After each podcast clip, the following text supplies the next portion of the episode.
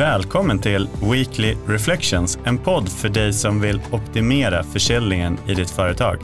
Här kommer du få lyssna till en person som sitter i exakt samma situation som dig själv eller få kunskap inom områden vi identifierat som extra viktiga för att du ska lyckas. Så under drygt 30 minuter så kommer vi reflektera över allt ifrån lycka och lärdomar till utmaning och utveckling och kanske viktigast av allt, fokus. Mitt namn är Otto Dalin och jag är en tävlingsinriktad reflekterande golfare som älskar att förstå på riktigt, för det är först då vi kan göra faktiska förändringar. Jag heter Mattias Ernstam och är en prestationsinriktad och coachande träningstok med norrländskt hjärta som brinner för att maximera allt som går. Vi är båda säljexperter på Salesonomics och till oss kommer företag som vill optimera sin försäljning där vi möjliggör den smartaste lösningen. I dagens avsnitt så kommer du få träffa Georg Brontén som är VD och grundare till Membrane. Och Membrane är ett Sales Enablement-verktyg som eh, oftast hamnar inom kategorin CRM. Du kommer få höra om hans spännande resa från att faktiskt upptäcka ett problem i ett bolag som han driver och hur han skapar en lösning på det problemet och startar faktiskt ett helt nytt bolag. Så jag hoppas ni är lika spända som oss på det här samtalet. Välkommen hit. Berätta, vem är du? Tack ska du ha. Jag heter Georg Brontén, grundare av Membrane. Ja du, vem är jag? Det är en sån här fråga man, eh, man jobbar med va? hela livet. Men eh, jag är en glad prick som gillar eh, mjukvara och gillar att utmana mainstream. Ehm, Gillar att göra saker lite annorlunda kanske. Bor i Nacka, fru, två barn, 20 och 16 så de börjar bli stora. Ja, tycker det är kul att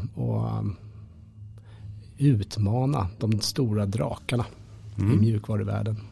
Och vilka skulle du säga kommer till Membrane? De som uh, förstår att försäljning är någonting man inte föds till. Utan försäljning är ett yrke. Det är någonting man måste lära sig och man kan bli bra på och man kan skapa strukturer kring.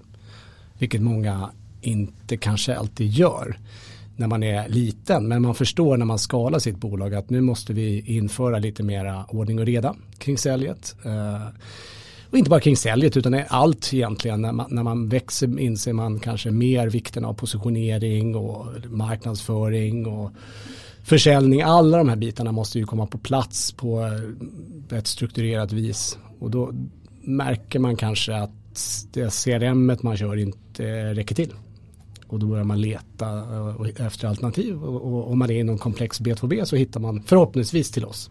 Och vad gör ni då som särskiljer er från andra? Ja, men vi försöker bygga in det här huret. Alltså hur jobbar vi med försäljning? Det tycker inte vi att eh, CRM-system eller säljstödssystem har löst. Utan det är fortfarande väldigt mycket loggböcker. Alltså man lagrar information om sina kunder. Men eh, systemen guidar inte. De hjälper inte och stöttar inte, coachar inte, hjälper inte förstå varför du vinner och förlorar affärer. Eh, tar inte det bästa som eh, dina säljare gör och, och eh, så att säga, konverterar det in till eh, in i, i strukturkapital. Så att vi försöker systematisera huret i komplex B2B-försäljning på ett djupare sätt än vad vi ser att våra konkurrenter gör. Mm. Och återigen, välkommen hit. Och vi brukar alltid inleda våra samtal med, eh, med att prata lycka. Eh, så, men till att börja med innan vi, vi ger oss in i att sätta en siffra på hur lycklig du är just nu så är vi nyfikna på att ta reda på vad innebär lycka för dig? Uh, synd att jag inte har lyssnat på en av era podcast tidigare för då hade jag kanske varit förberedd på frågan. Men det är roligare när man inte är förberedd. Så att jag, lycka för mig är väl när man jag tänker direkt på flow, eh, en bok som ni säkert har läst. Att det här att man, när man är inne i flow, är man, när man, när man liksom matchar sin, sin kompetens och sina färdigheter med en utmaning. Eh, och man brukar, brukar prata om skidåkning och man gillar det, att då är man ofta i flow. För man, man är så i stunden att man glömmer bort tid och rum. Uh, så för mig är det lyckat lycka tror jag när jag befinner mig i ett sånt tillstånd av flow.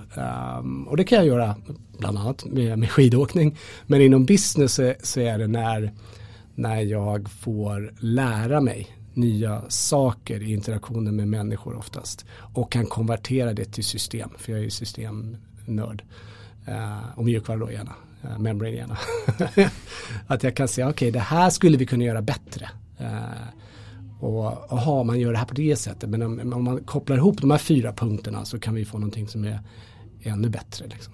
Så att, det tror jag när man, när man kan koppla ihop eh, saker och ting som kanske inte alltid har med varandra att göra och, och men, men därmed få en bra lösning som hjälper företaget framåt. Och utifrån det här flowet som du beskriver, eh, just precis nu, vad skulle du säga, hur lycklig är du, känner du dig på en skala 1 till 10? Vi har ju precis haft en, eh, en jättetrevlig sittning med ert team här innan där jag har fått lära mig om, om er och uh, berätta lite om oss och, och, och, fått interagera med alla era härliga människor. Så att, uh, det gör ju att jag har ökat min lycka rejält. Så att uh, jag sätter mig på en sjua kanske. Mm. Så rejält vi hamnar på en sjua. Vad sa du? Hur ska vi tolka det? Ja, nej, det är, det är frågan. ja, ja, men du vet. Antingen vad, vad som har hänt innan idag eller vad som behöver Tio, då, är det ju, då ska det ju vara liksom, i skidbacken med en sån här, vad heter de, sån här goda pannkaksrätten som man käkar. Alltså, det är många det är parametrar som ska till för en tia. Ja. Så, så en sjua är ganska bra? Det är väldigt bra. Aha. Ja, det är väldigt bra. Det är väldigt bra. Men om vi eh, backar bandet lite så här, du är ju entreprenör idag. Varför, varför valde du att starta Membrane? In short. Ehm, ja, in short var det för att jag gjorde alla, alla misstag i boken, boken var kring sälj i mitt tidigare bolag Upstream. Ehm, där vi gjorde en jätteresa från att ha sålt transaktionella produkter till komplexa produkter och jag spenderade massa tid och pengar på att göra fel saker. Eh, där jag trodde att säljare föds man till och om man bara rekryterar en duktig säljare som har varit duktig någon annanstans så kommer de prestera hos mig. Och, och så vidare och så vidare. Och insåg att det där stämmer inte alls och analyserade situationen och såg att CRM-system också är byggda på det antagandet och därför suger de och jag måste göra någonting annat. Jag måste utmana CRM-världen, vilket är ju fullständigt idiotiskt egentligen från ett eh, entreprenöriellt, eh, en entreprenöriell synvinkel för det är ju en väldigt konkurrensutsatt bransch. Eh, men jag är lite passionerad kring det här med försäljning. Eh, jag tycker att det är, alltså bortom system och det som vi jobbar med så finns det ju så otroligt mycket att förbättra inom försäljning i, i min, i min hjärna. Eh, och det är spännande och försäljning är otroligt spännande för det är människor och det är psykologi och det är processer och det är information. Det är massa gött i försäljning tycker jag. Men nu är, du, nu är du inne på min fråga här delvis i alla fall. Men om vi tar just försäljning som, som begrepp, som fenomen och bryter ner det. Vad, vad är sälj för dig? Men sälj för mig är att, att förstå eh, om vi tar B2B-försäljning då, så det är att kunna förstå hur, eh, varför ett företag existerar, vad de är bra och dåliga på, vart de är på väg och sen använda, eller, eller om du kan använda dina produkter och tjänster för att hjälpa dem eh, vidare. Så att du skapar, du hjälper någon framåt men du hjälper också dig själv. Eh, och det tycker jag är, är läckert. När man eh, alla vinner liksom i den ekvationen. Du, du, du skapar bara tillväxt. Det tycker jag är, är bra försäljning. Mm. Mm. Och när vi är inne på tillväxt, hur ser dina ambitioner ut? Vart, vart är Membrane i framtiden?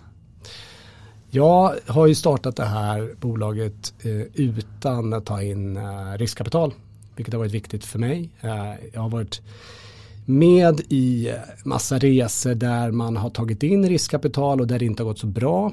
Eh, därför att andra krafter då styr eh, ibland. Eh, det blir liksom pengarna som är det viktiga. Det blir tillväxten och nyckeltalen som är det viktiga. Eh, och man tar ibland, tycker jag då, eh, felaktiga beslut. Så jag har velat ha full kontroll på, på det här bolaget, eh, vilket jag har lett till att jag har valt att köra det utan riskkapital. Så att det går lite långsammare om man nu jämför Membranes tillväxt med ett bolag som har fått in en injektion av jättemycket pengar. Men det är också en del av charmen i min bok. För för mig är lite resan målet. Det är otroligt kul att eh, dels att utmana eh, status quo och, och de här traditionella eh, eh ja, tillverkarna av sådana här system. Men också att, att göra saker nytt, på nytt sätt och, och utmana lite grann hela sättet man tänker på sälj. Uh, för att jag tycker det är lite förlegat på många håll. Uh, man tror att sälj handlar om att kränga på saker uh, och manipulera folk. men det är ju inte alls det det går ut på. Så att för mig är liksom den här resan också att, att göra en skillnad i yrket på något sätt. Med information, med produkten förstås. Men också allt vi gör genom att liksom in, försöka innovera, hitta på nya lösningar. Så att för mig, han, vi vill ju öka, alltså om man ska titta lite siffermässigt så vill vi öka 40% per år. Det är våra liksom tillväxtmål. Eh, och nästa stora milstolpe är 100 miljoner i, i vad vi kallar för ARR i den här branschen då. Annual Recurring Revenue. Så årlig omsättning på, på firman. Så att eh, vi har några år dit. Ser vi till eh, just tillväxt eller att växa så ni finns ju på flera marknader om vi tittar bortom den svenska marknaden. Har det just den interno, inter, nu tappar jag ordet. Internationaliseringen. Internationalisering, tack så mycket. eh, har den varit viktig för dig? Ja, faktiskt jätteviktig. I, i, i Upstream så sål, säljer vi eh, andras produkter. Och, och, då har det ofta varit amerikanska produkter som vi har tagit till Norden. Och då har vi fått då, ja, möjligheten att sälja deras produkter i, i de nordiska länderna. Och ibland så var vi ju duktiga och sålde det till bolag som fanns utanför Norden. Så i ett exempel sålde vi eh, till ett bolag i, i Sverige, eller de hade då ett, ett, ett, kontor i Sverige, vi sålde till Sverige. Det här spred sig sen över hela världen och blev den här leverantörens absolut största kund. Men vi på Upstream fick ingen kompensation för det. Vi fick ju bara det som var i Norden. Och till slut tappade vi hela affären för att deras europeiska huvudkontor var i England. Så till slut fick vi inte en spänn eh, trots att vi hade dragit in den största kunden. Så att det skapade lite motivation i mig att jag vill inte ha begränsningar i vad min produkt kan säljas utan jag vill kunna ha världen som, som marknad.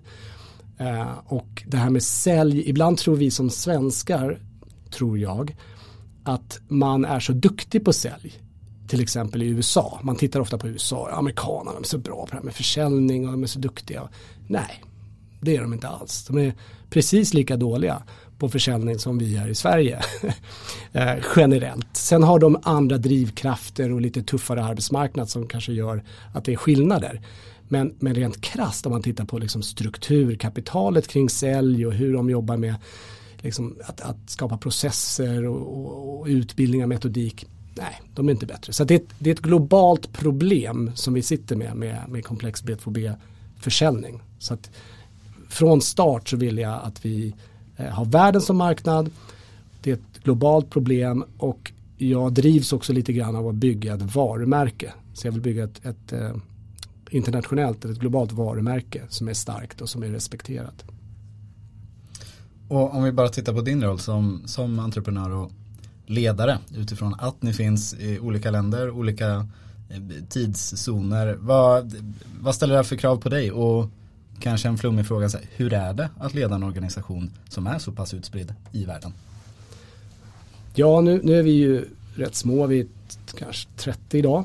Ehm, jag har väl alltid försökt att eh, se till att omge mig med personer som är duktiga på saker som jag inte är så duktig på. Eh, så i början gör man ju allt själv eh, som entreprenör. Eh, men över tid så anser jag att du ska göra mindre och mindre som entreprenör eller som grundare. Då. Så jag försöker helt enkelt se till att vi har rätt personer på rätt plats och att de tycker det är kul och trivs. Att vi skapar en bra kultur där man växer. För jag är ju sjukt övertygad om att vi människor vill växa. Vi vill bli bättre.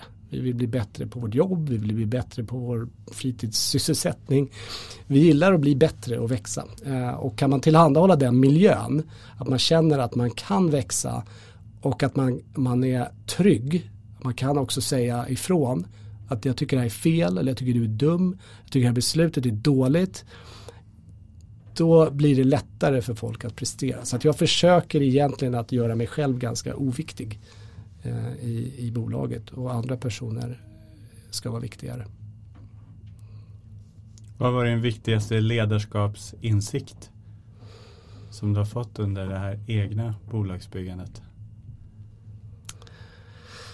Eh, ledarskapsinsikt. Ja du, det är en bra fråga. Jag tror att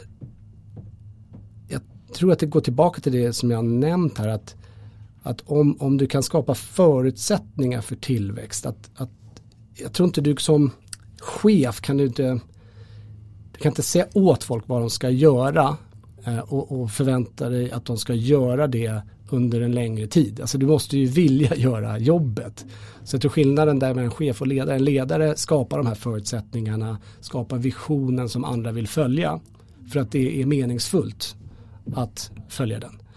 Eh, så jag tror att det är det som är lite nyckeln till ledarskap, att skapa den här eh, känslan av att vi, det vi gör är meningsfullt, eh, roligt och lärorikt. Och när det börjar tappa någon av de här delarna, att det är inte längre roligt eller det känns inte längre meningsfullt eller jag lär mig inte längre. Då måste man ha den här transparensen att man vågar säga det. Ja men i min roll här nu, det börjar kännas extremt tråkigt för att jag jobbar samma saker. Så att man då får en annan möjlighet att växa eller byta jobb. Eh, men jag tror att man, man måste väl hela tiden känna sig ansvarig som ledare. Att det är du som sätter den visionen. Det, det är på något sätt där ledarskapet kommer in för mig. Att det måste vara meningsfullt, det måste vara roligt, det måste vara lärorikt. Mm. Och jag skapar den här tillväxten och göra det liksom organiskt. Vad, vad är den absolut största utmaningen skulle du säga? Ja, i början så trodde jag att det skulle vara konkurrensen. Eh, att vi eh, skulle bli omkörda för det finns så många andra bolag med mer pengar.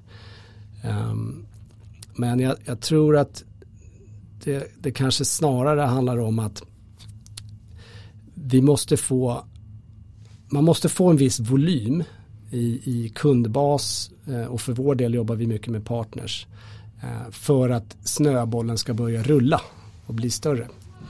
Eh, och där är vi väl kanske inte riktigt än i mitt huvud. Vi, vi puttar fortfarande den här snöbollen upp för backen. Mm. Och vi vill det ska bli härligt när vi får lite mer nedförsbacke. Mm. där, där det blir mer pull från marknaden. Lavinen av affärer är inte igång fullt ut. nej, nej, det är fortfarande väldigt, väldigt mycket, vem är ni? Uh, Varför, jag har aldrig hört talas om er förut. Membrane who? Uh, man känner till Salesforce och, och HubSpot och där, men Membrane har man aldrig hört talas om. Och det är ju det är en utmaning med förstås när man inte har en stor eh, marknadsbudget eh, mm. eller kan anställa 50 pers på ett bräde som du kanske kan om du mm. får in en stor injektion av pengar. Mm.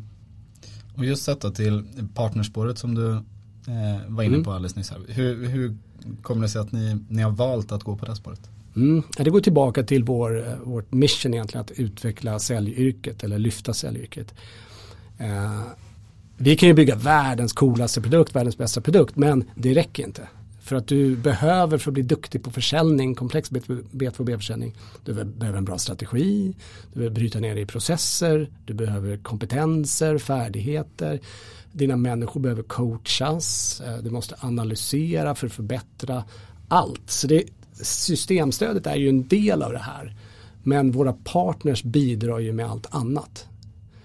Alltså vad är processerna, vad är strategin, vad, vilka människor har vi här, hur coachar vi säljarna. Eh, och det är inte bara säljarna, det blir ju också i en organisation så idag modern försäljning går ju bortom bara försäljning. Det är ju det är marknad som ska integreras och du har customer success när du väl sålt något. Hur levererar vi? Får kunden rätt upplevelse där? Så att det blir ju bredare och bredare eh, med, med försäljning. Så att partners för mig är ju en del av produkten nästan. Alltså, Eh, du kan ju köpa Membrane själv men om du inte har alla de här kunskaperna och färdigheterna internt så kommer du ju inte komma någon vart. Om du inte kan bygga en säljprocess, om du inte har en metodik, om du inte har någon som kan coacha, ja, då spelar det ingen roll om du köper Membrane eller Salesforce. Du kommer förmodligen sitta fast ändå. Så att det, det är jätteviktigt för oss att kunden för att kunna öka sin säljeffektivitet behöver en kompetent partner.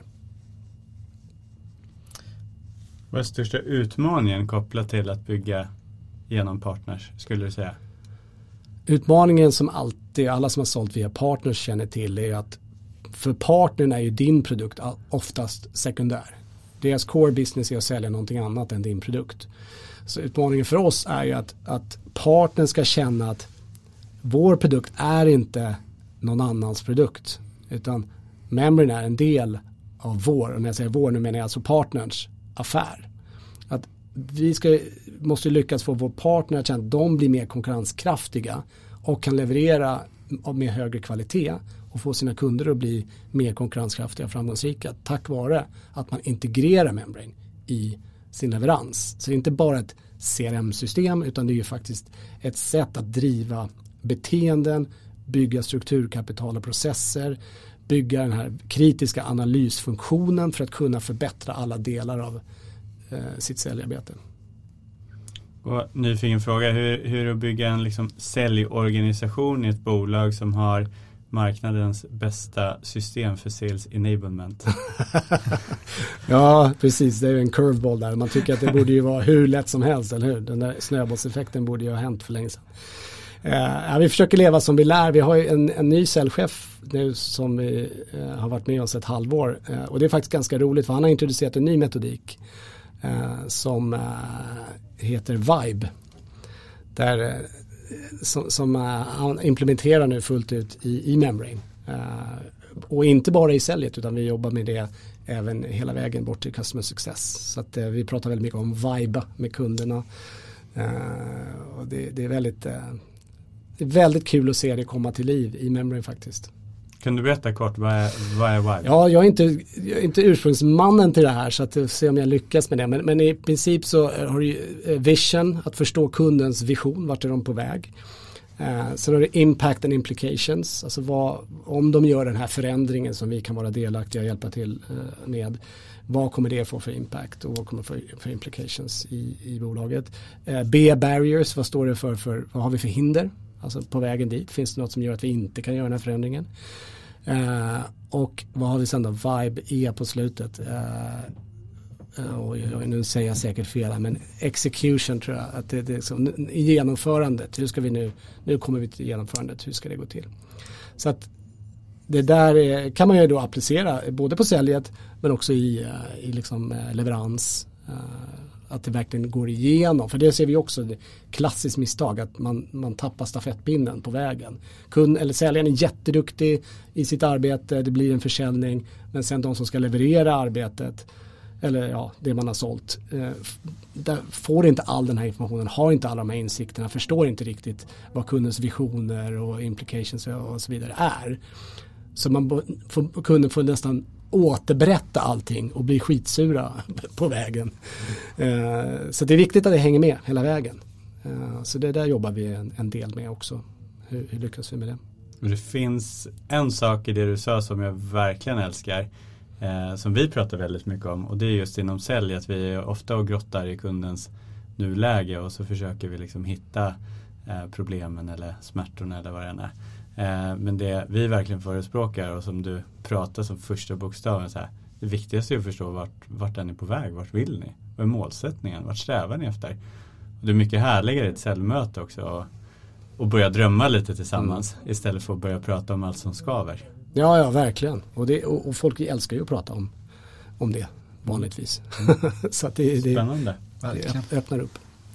Eh, jag, jag höll på att säga vi, men jag ska prata för mig själv. Eh, upplever dig som en, ja, men en väldigt klok och insiktsfull person. Och utifrån att inspireras, att själv inspireras och utvecklas. Vad, vad inspireras du av? Och, och på vilket sätt utvecklas du Jag håller med Otto.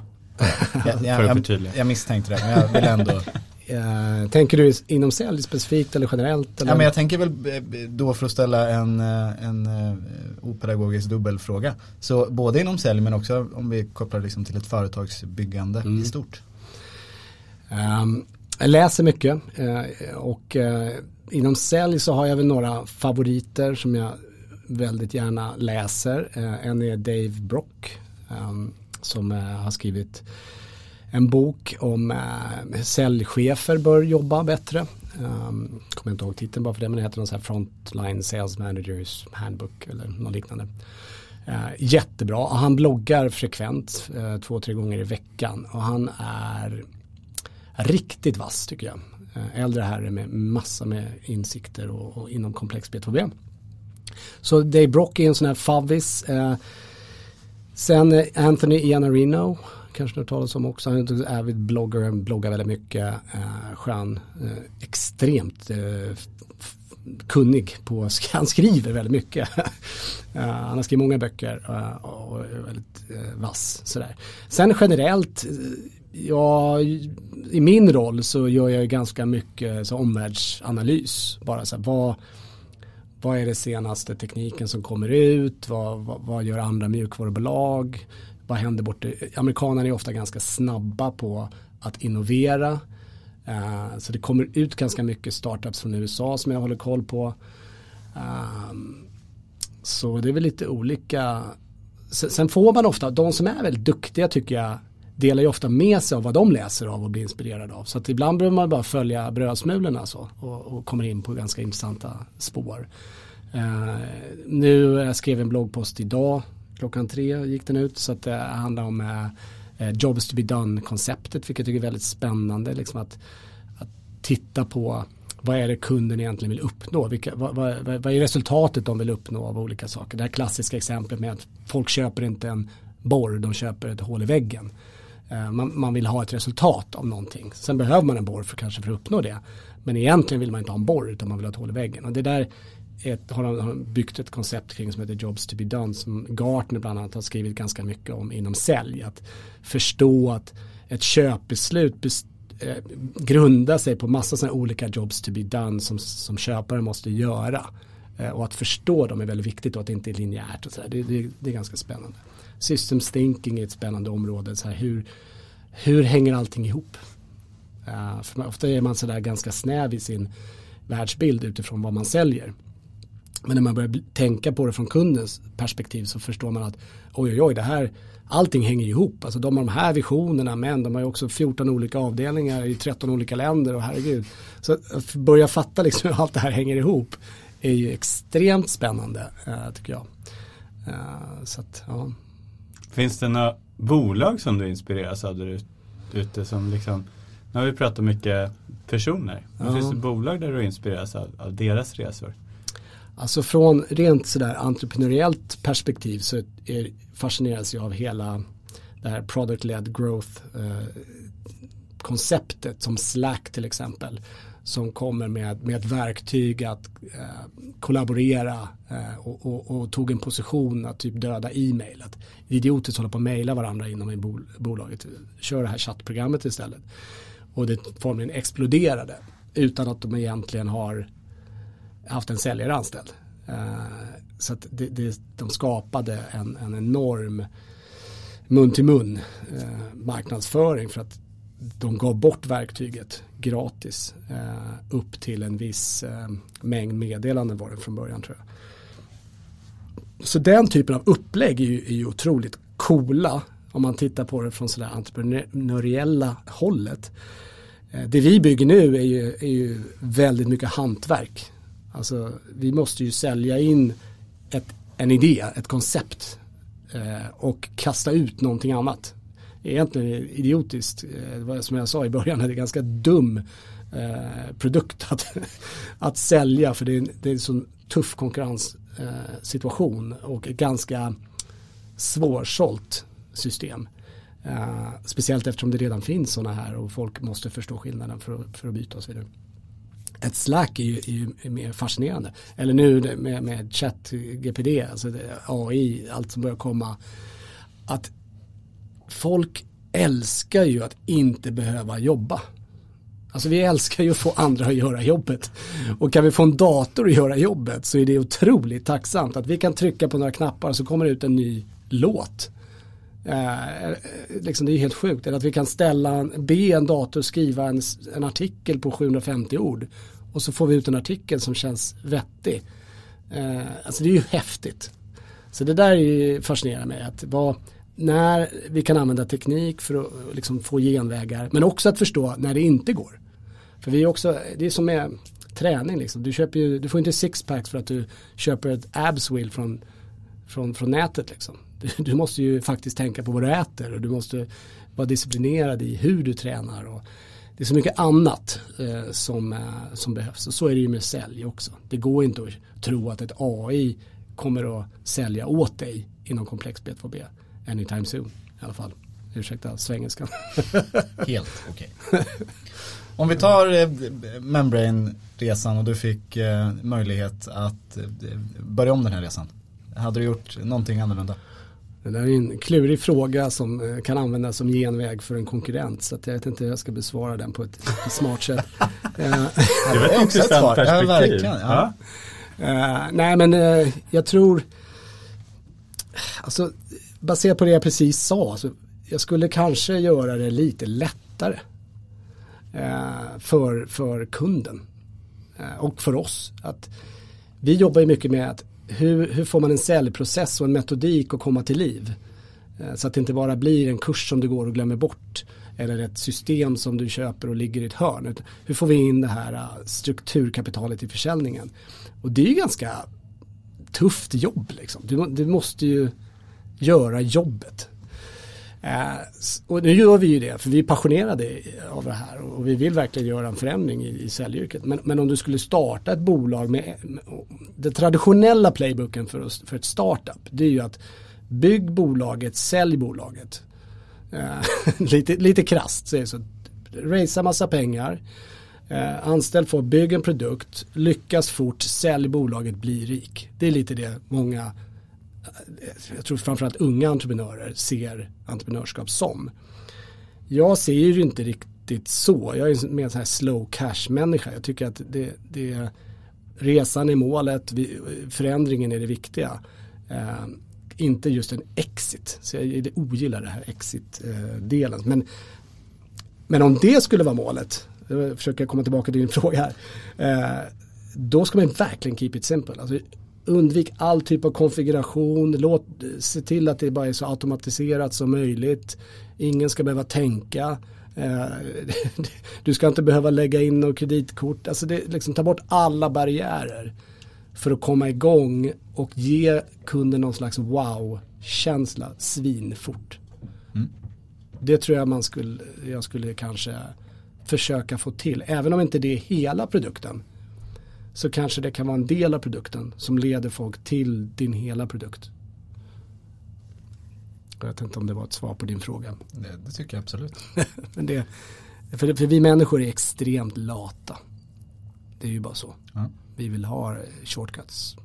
Gud vad mycket svengelska jag kör idag. Om vi ska avsluta med den sista frågan då. På shortcuts. Om du skulle ge tre konkreta råd till någon annan som står mitt i en tillväxtresa just nu? Vilka då, tre ge? Då behöver det inte vara att du ger tips till en, en konkurrent nu, utan det, man kan ju faktiskt pyssla med något helt annat. Uh, nej men att ett, förstå din kund. Uh, man måste börja med kunden på något sätt. Vad, vad är det kunderna som du vill hjälpa behöver uppnå? Hur kan du hjälpa till på bättre sätt än någon annan? och ändå vara lönsam. Eh, och två är väl då att försöka systematisera det tillvägagångssättet så att det inte bara blir grundaren eh, eller ett fåtal personer som kan skjuta från höften som kan lyckas utan alla måste kunna lära sig att lyckas. Eh, och sen bara, om det är begränsat till tre, då, det, det är att analysera hur det går väldigt noggrant och lära sig, lära sig fort. Vad funkar? Gör mer av det. Vad funkar inte? Gör mindre av det. Rent Tack. Krasst. Tre riktigt värdefulla råd. Så stort tack för att du kom och gästade oss och Weekly Reflection. Så vi hoppas att eh, i framtiden att det här blir eh, en podd i din poddlyssnande. Härligt, det ska vi se till att det blir. Det skulle, den lilla detaljen skulle jag inte dela med mig av. Ja. Stort tack för den här reflektionen vi fick göra tillsammans med dig. Tack själva, tack för att jag fick komma. Då har vi fått lyssna till eh, Georg och massa spännande, bra klokskaper. Eh, en jag själv tog med mig är liksom spaningen och det intressanta när en eh, kommersiell ledare tillika också eh, IT-nörd, hur, hur han ser försäljning utifrån ett systemtänk. Vi eh, ska i nästa avsnitt eh, prata om upplevelsebaserad försäljning. Och det här är ju ett skifte som hela säljlandskapet står inför. Vi har gått ifrån eh, produkt till lösning och nu är det upplevelse som säljorganisationer behöver ställa om till. Så mer om det i ett avsnitt inom kort.